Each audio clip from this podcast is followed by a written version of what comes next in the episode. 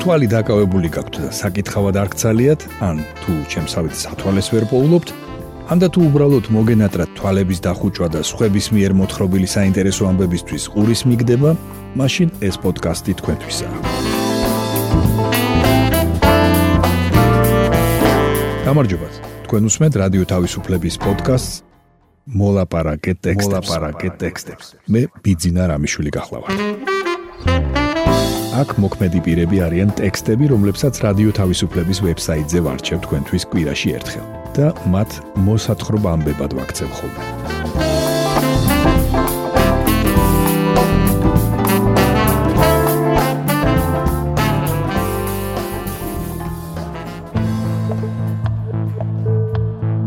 გესაუბრებით ერთ სასამართლო დავაზე, რომელიც Facebook-ის პოსტის გამო დაიწყო.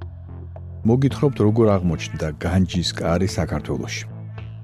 გაგაცნობთ სტატიას სერგეი ლოზნიცას ერთი ფილმის შესახებ. მოისმინეთ ეკა ქევანიშვილის სტატია Only Me-ზე გადაიყვანე. რა ვიცით სასამართლო დავაზე, რომელიც Facebook-ის პოსტის გამო დაიწყო. თბილისის საქალაქო სასამართლომ Facebook-ის ერთ-ერთ მომხმარებელს დაავალა თავისი საჯარო ეგრეთ წოდებული public status-ი only miss ფუნქციაზე გადაიყვანოს, ანუ მხოლოდ თავად მას შეეძლოს მისი წაკითხვა. ასევე დაავალა საჯაროობა შეუზღუდოს YouTube-ზე განთავსებულ მისავე ვიდეოს და აუგრძალა Facebook-ის პირადი ანგარიშის წაშლა. მანამ სანამ საქმეს სასამართლო განიხილავს. ამ საქმის ადვოკატი სერგო ჯორბენაძე რადიო თავისუფლებასთან საუბარში აცხადებს, რომ ეს საქართველოსი და შესაძლოა მის ფარგლებს გარეთაც სასამართლოს მიერ მიღებული უპრეცედენტო გადაწყვეტილება. დავა პოსტების გამო ორ საჯარო ფიგურას შორის დაიწყო. ერთმა მეორეზე რაღაც დაწერა და ვიდეოც გაავრცელა. მეორემ სასამართლოში იჩივლა, რადგან ჩათვალა, რომ სოციალურ ქსელში გავრცელებული ინფორმაცია იყო ტყუილი და მას ცილს წამებდნენ. მოსარჩელის ვინაობას მისივე მოთხოვნით ადვოკატი ამ ეტაპზე არ ამხელს. მის შესახებ დაწერილი საჯარო პოსტები ჯერ ისევ ყველასთვისაა ხელმისაწვდომი. სერგი ჯორბენაძე გვეუბნება, რომ პოსტი არ ყოფილა პოლიტიკური შინაარსის. სტატუსები უხამსი და ცილის მწამებლური იყო, რაც არაქონებრივი უფლების დარღვევად მიიჩნევა. სასამართლოსაც ამ დარღვეული უფლების აღსადგენად მიმართეს. ის რომ ტრადიციული მედია ყოფილიყო პრესა, რადიო, ტელევიზია, ამბობს ადვოკატი, რედაქციას ან ავტორს მისავე მედიაში დაუყოვნებლივ უარყოფას მოსთხოვდნენ, მაგრამ რადგან Facebook-ის პირად გვერდსა და YouTube-ის პირად ანგარიშს თავისი სურვილის მიხედვით კერძო პირი მართავს, სასამართლოში მათ მოითხოვეს არამხოლოდ გავრცელებული სტატუსის შინაარსის უარყოფა, არამედ ისიც, რომ ეს უარმყოფი განცხადება გარკვეული პერიოდი არ წაიშალოს. ეს ხომ არ არის კლასიკური მედია, ჩაიარა ამბავმა და მორჩა. ამ პოსტს ყველა უყურებს და კითხულობს დიდი ხნის განმავლობაში. ამიტომ მოვითხოვეთ ამ პოსტის დამალვა, მანამ სანამ დავა არ დასრულდება. და ჩვენი ეს მოთხოვნა მოსამართლემ დააკმაყოფილა და მალე მოპასუხეს თავის სტატუს only me-ზე გადააყვანინებენ. მას რომ წაეშალა ის პოსტი, ამას არავინ მოსთხოვდა და მხოლოდ უარყოფას მოვითხოვდით. მაგრამ მან არც სასამართლოში საქმის დაწყების შემდეგ წაშალა ის სტატუსი და ვიდეო, ამბობს ადვოკატი. თუ სასამართლოს მოსარჩელე მოიგებს, პოსტები უნდა წაიშალოს. მაგრამ თუ წააგებს, მაშინ პოსტის ავტორს უფლება ექნება თავისი სტატუსები ისევ გაასაჯაროოს. უპრეცედენტოს ამ საქმეს თავად ადვოკატი იმიტომ უწოდებს, რომ მან ვერ მოიძია სხვა შემთხვევა, როცა სასამართლოს სარჩელის უზრუნველყოფის ღონისძიებად კონკრეტული პოსტის only me-ზე გადაყვანა მოეთხოვა. თუკი საჯარო პოსტი სასამართლოს მიმდინარეობის პროცესში მედიისთვის ხელმისაწვდომი დარჩებოდა სასამართლოს მოგების შემთხვევაშიც კი მოსარჩელე თავისი აზრით დარღვეულ უფლებას ვეღარ ან მხოლოდ ფორმალურად აღიდგენდა. სასამართლოს მომდევნო ხდომა ჯერ არ დანიშნულა. ჯერჯერობით ანონიმად დარჩენას არჩევს მოსარჩელეც. ეს გახდათ ეკა ქევანიშვილის სტატია only me-ზე გადაიყვანე. რა ვიცით სასამართლო დავაზე, რომელიც Facebook-ის პოსტის გამო დაიწყო. თქვენ უსმენთ პოდკასტს მოლაპარაკე ტექსტებს. მოისმინეთ თეა თოფურია სტატია როგორ აღმოჩნდა განჯის კარი საქართველოში. რას წარმოადგენს განჯის კარი, რომლის დაბრუნებაც სურს აზერბაიჯანს? არტეფაქტის ისტორია შუა საუკუნეებიდან იწყება და უკავშირდება მიწის დრას, რომელმაც ძლიერი და მდიდარი ქალაქი განძა დაანგრია. აზერბაიჯანის კულტურის მინისტრმა ანარ ქარიმოვმა 4 თებერვალს თქვა, რომ აზერბაიჯანს სურს ისტორიული არტეფაქტი განჯის კარი საქართველოსდან ოფიციალური მოლაპარაკებების გზით დაიბრუნოს. მან ისიც თქვა, რომ ეს საკითხი აზერბაიჯანულ კომისიას განსახილველად აქვს შეტანილი დღის წესრიგში. საქართველოს საგარეო საქმეთა სამინისტროში არადასტურებენ, რომ ამ თემაზე აზერბაიჯანთან მოლაპარაკებები მიმდინარეობს. სამინისტროში განაცხადეს, რომ განჯის კარის საკითხი საქართველოსა და აზერბაიჯანს შორის ორმხრივ დღის წესრიგში არ დგას.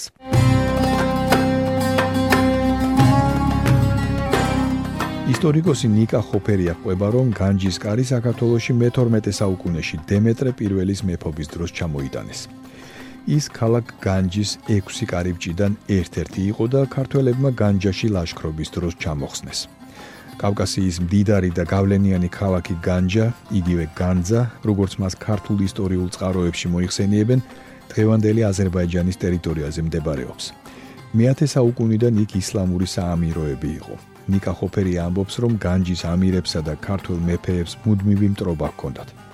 1129 წელს ქართველებს განჯის დასალაშქრად კარგი შემთხვევა მიეცათ. მოხდა მიწისძვრა, რომელმაც ქალაქი თითქმის მთლიანად დაანგრია. დაიღუპა ათასობით ადამიანი. ისტორიულ წყაროებში აღწერილია, რომ ქართულმა ჯარმა ნამიწისძვრალ განჯაში უამრავი ტყვე აიყვანა. წამოიღეს დიდძალი სიმდიდრე, მათ შორის განჯის კარიც, რომელიც უკვე საქართველოში ჩამოტანილი გელაც შესწირეს და დღემდე იქ ინახება. თავდაპირველად განჯის კარს ორი ფრთა ჰქონდა. დღეს მისგან მხოლოდ ერთი, ანუ ნახევარია დარჩენილი. კარი დამზადებულია განჯის მართველი შედადიანების დინასტიის წარმომადგენლის შაპურ პირველის ბრძანებით.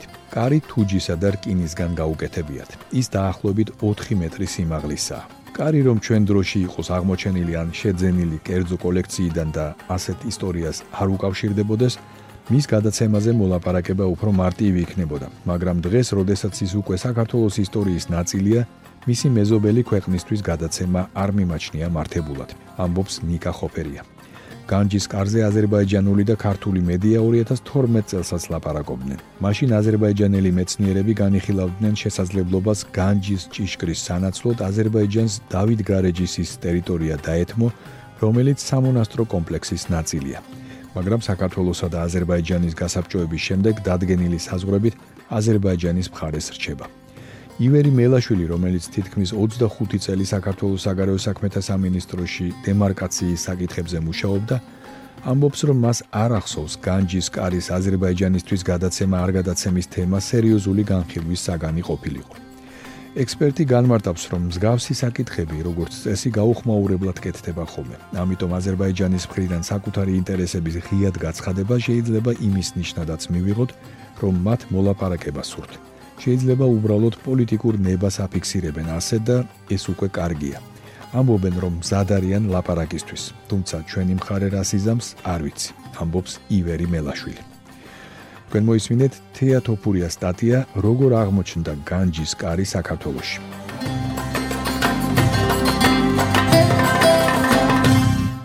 თქვენ უსმენთ პოდკასტს მოლაპარაკე ტექსტებს. მოისმინეთ გოგი გვახარიას სტატია უკრაინა და ბარბაროსები. ჟიურის თავმჯდომარემ ბენისიო დელ ტორომ კანის კინოფესტივალის სექციაზე განსაკუთრებული მზერით პრიზი საუკეთესო რეჟისორისთვის გადასცა სერგეი ლოზნიცას ფილმისთვის დონბასი. ეს მოხდა 2018 წელს, როცა მსოფლიოში ჯერ კიდევ საკმაოდ ზედაპირული წარმოდგენა ჰქონდათ იმაზე, რაც ხდებოდა სამხრეთ-აღმოსავლეთ უკრაინის სეპარატისტულ რეგიონში. 2013 წლის მიწურულ სერგეი ლოზნიცა გერმანიიდან, სადაც 2001 წლიდან ცხოვრობს, ჩავიდა კიევში და გადაიღო უკრაინის დედაქალაქის ცენტრში მოწყობილი манифестაციები. თანაც ძალიან საინტერესოდ, გრძელი სტატიკური კადრებით, რომლებიც უფრო გაცოცხლებულ ფოტოსურათებს გვაგონებენ ვიდრე ქრონიკას. Yeah.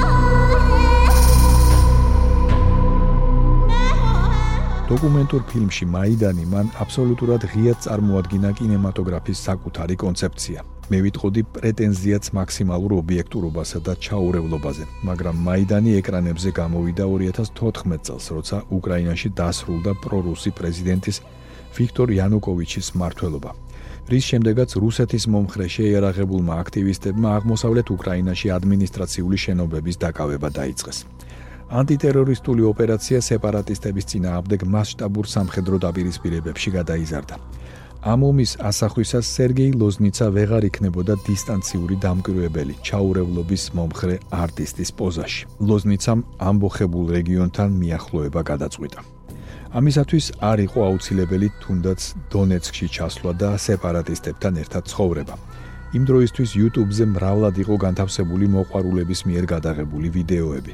სხვათა შორის კონფლიქტის ამსახველ ვიდეო ჩანახატებს სეპარატისტებიც ავრცელებდნენ. თუმცა პრიორიტეტული მედია მათთვის არაიმდენად სოციალური ქსელები, რამდენადაც რუსეთის სატელევიზიო სივრცე იყო. პუტინის ტელეარხები ყოველდღიურად აღვივებდნენ ანტიუკრაინულ ისტერიას, რომლის მიზანი იყო საერთაშორისო აზრის შექმნა უკრაინულ ნაციონალიზმზე, პროფაშისტურ ხელისუფლებაზე, გადატრიალების გზით მოსულ მთავრობაზე და ასე შემდეგ. სწორედ ასეთ ვითარებაში მოეწყო სერგეი ლოზნიცას მხატვრული ფილმის დონბასის პრემიერა კანში. მერერა რომ რეჟისორმა ხაზგასმით აღნიშნა რომ მთელი ეს სურათი 12 კინოჩანახატისგან აწყობილი ეს უნიკალური მოზაიკა სწორედ YouTube-ზე განთავსებული ვიდეოების მხატვრული ინტერპრეტაციაა და მას არაფერი მოუგონია. დონბასი ის რეალობაა, რომლის არსებობის არც ახლას ჯერათ ვიღაც ვიღაცებს. შესაბამისად, სერგეი ლოზნიცას ტენდენციურობაში ძდებენ ბრალს. თავის პოლიტიკურ კინოპამფლეტში ავტორს არ ერიდება პირდაპირ გვითხრას, რომ დიახაც რუსეთი ოკუპანტია და უკრაინის მიწები მიტაცებული აქვს. ამას აღიარებს და იწყებს ბარბაროსობის კვლევას. არაიმდენად ამ კონკრეტული ომის, რამდენადაც სწორედ რომ ბარბაროსობის. ცდილობს გაერკვეს, საიდან იბადება ეს ძალადობა. რაღაც ბუნებრივია თუ ისტორიული პროცესის შედეგია. რუსული პოლიტიკის ნაწილია თუ ზოგადად სიხარბისა და ველურობის მორიგი შეტევაა თავისუფლებაზე. ამ კითხვებს სვამს სერგეი ლოზნიცა თავის დოკუმენტურ მხატვრულ სპექტაკლში. უფრო სწორად, სპექტაკლად ქცეულ ისტორიაში, რომელსაც ჩვენ აქაც ისევე როგორც ლოზნიცას სხვა ფილმებს დისტანციიდან ვუყურებთ. ეს დისტანცია იმიტომ იქმნება, რომ დოკუმენტური სიზუსტით ასახული ამბები ამავდროულად სრული სიგიჟეა. ლოზნიცას გროტესკული შავი და მოღუშული იუმორი მხოლოდ აძლიერებს ამ ამბების აბსურდულობას. კაპკიანური რეალობაა იმის წარმოქმნა თუ როგორი შეიძლება იყოს საზოგადოება, რომელიც იხრჩობა სისასტიკეში, სიგიჟესა და კორუფციაში. როგორი შეიძლება იყოს სამყარო, სადაც ყველა ღირებულება გადმობრუნებულია. დამნაშავეები დაუსჯელები, სადაც ტერორი, სადიზმი და დამცირება ცხოვრების შემადგენელი ნაწილი გახდა. როგორი შეიძლება იყოს ჯოჯოხეთი? თანამედროვე ჯოჯოხეთის სახეებს გვაცნობს სერგეი ლოზნიცა. გერმანელ ჟურნალისტს, რომელსაც ადგილობრივი მებაჟე ფაშისტების აგენტს უწოდებს, ბიუროკრატს, რომელიც ართმევს მანქანას აკაურ მოქალაქეს პატრიოტიზმის სახელით, თელ მოსახლეობას, რომელსაც ფული გადაუხადეს იმისთვის, რომ სატელევიზიო რეპორტაჟში მსხვერპლის როლები ითამაშონ. ფეიქ რეპორტაჟის ამსახველი ნოველა განსაკუთრებით მწვავეა პოლიტიკური თვალსაზრისით. ლოზნიცა გვარწმუნებს, რომ არსებითად ეს ომი სწორედაც რომ ფეიქების ომია, რომელსაც რუსეთი წლებია უკვე აგრძელებს უკრაინაში და საკმაოდ წარმატებით ახერხებს დასავლური სამყაროს მოტყუებას. ადამიანის ბუნების ყველაზე ბნელი მხარეები მაშინ იღვიძებს, როცა საზოგადოება ინგრევა, როცა კანონი აღარ კანონობს და როცა მიწა ფეხქვეშ გვეცლება.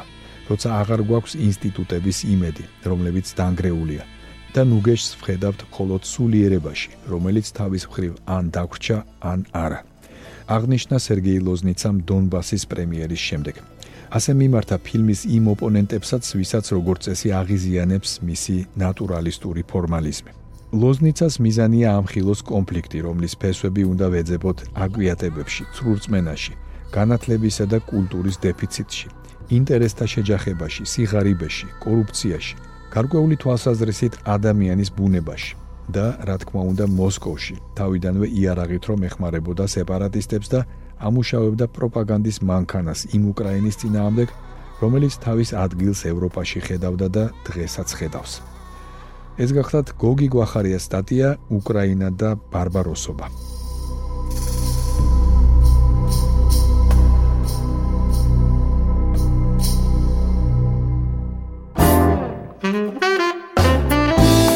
თქვენ მოისმინეთ რადიო თავისუფლების პოდკასტი მოლაპარაკე ტექსტები. მე კვირაში ერთხელ ვარჩევ რადიო თავისუფლების ვებსაიტზე გამოქვეყნებულ ტექსტებს და მათ მოსათხრობამდებად ვაქცევ ხოლმე.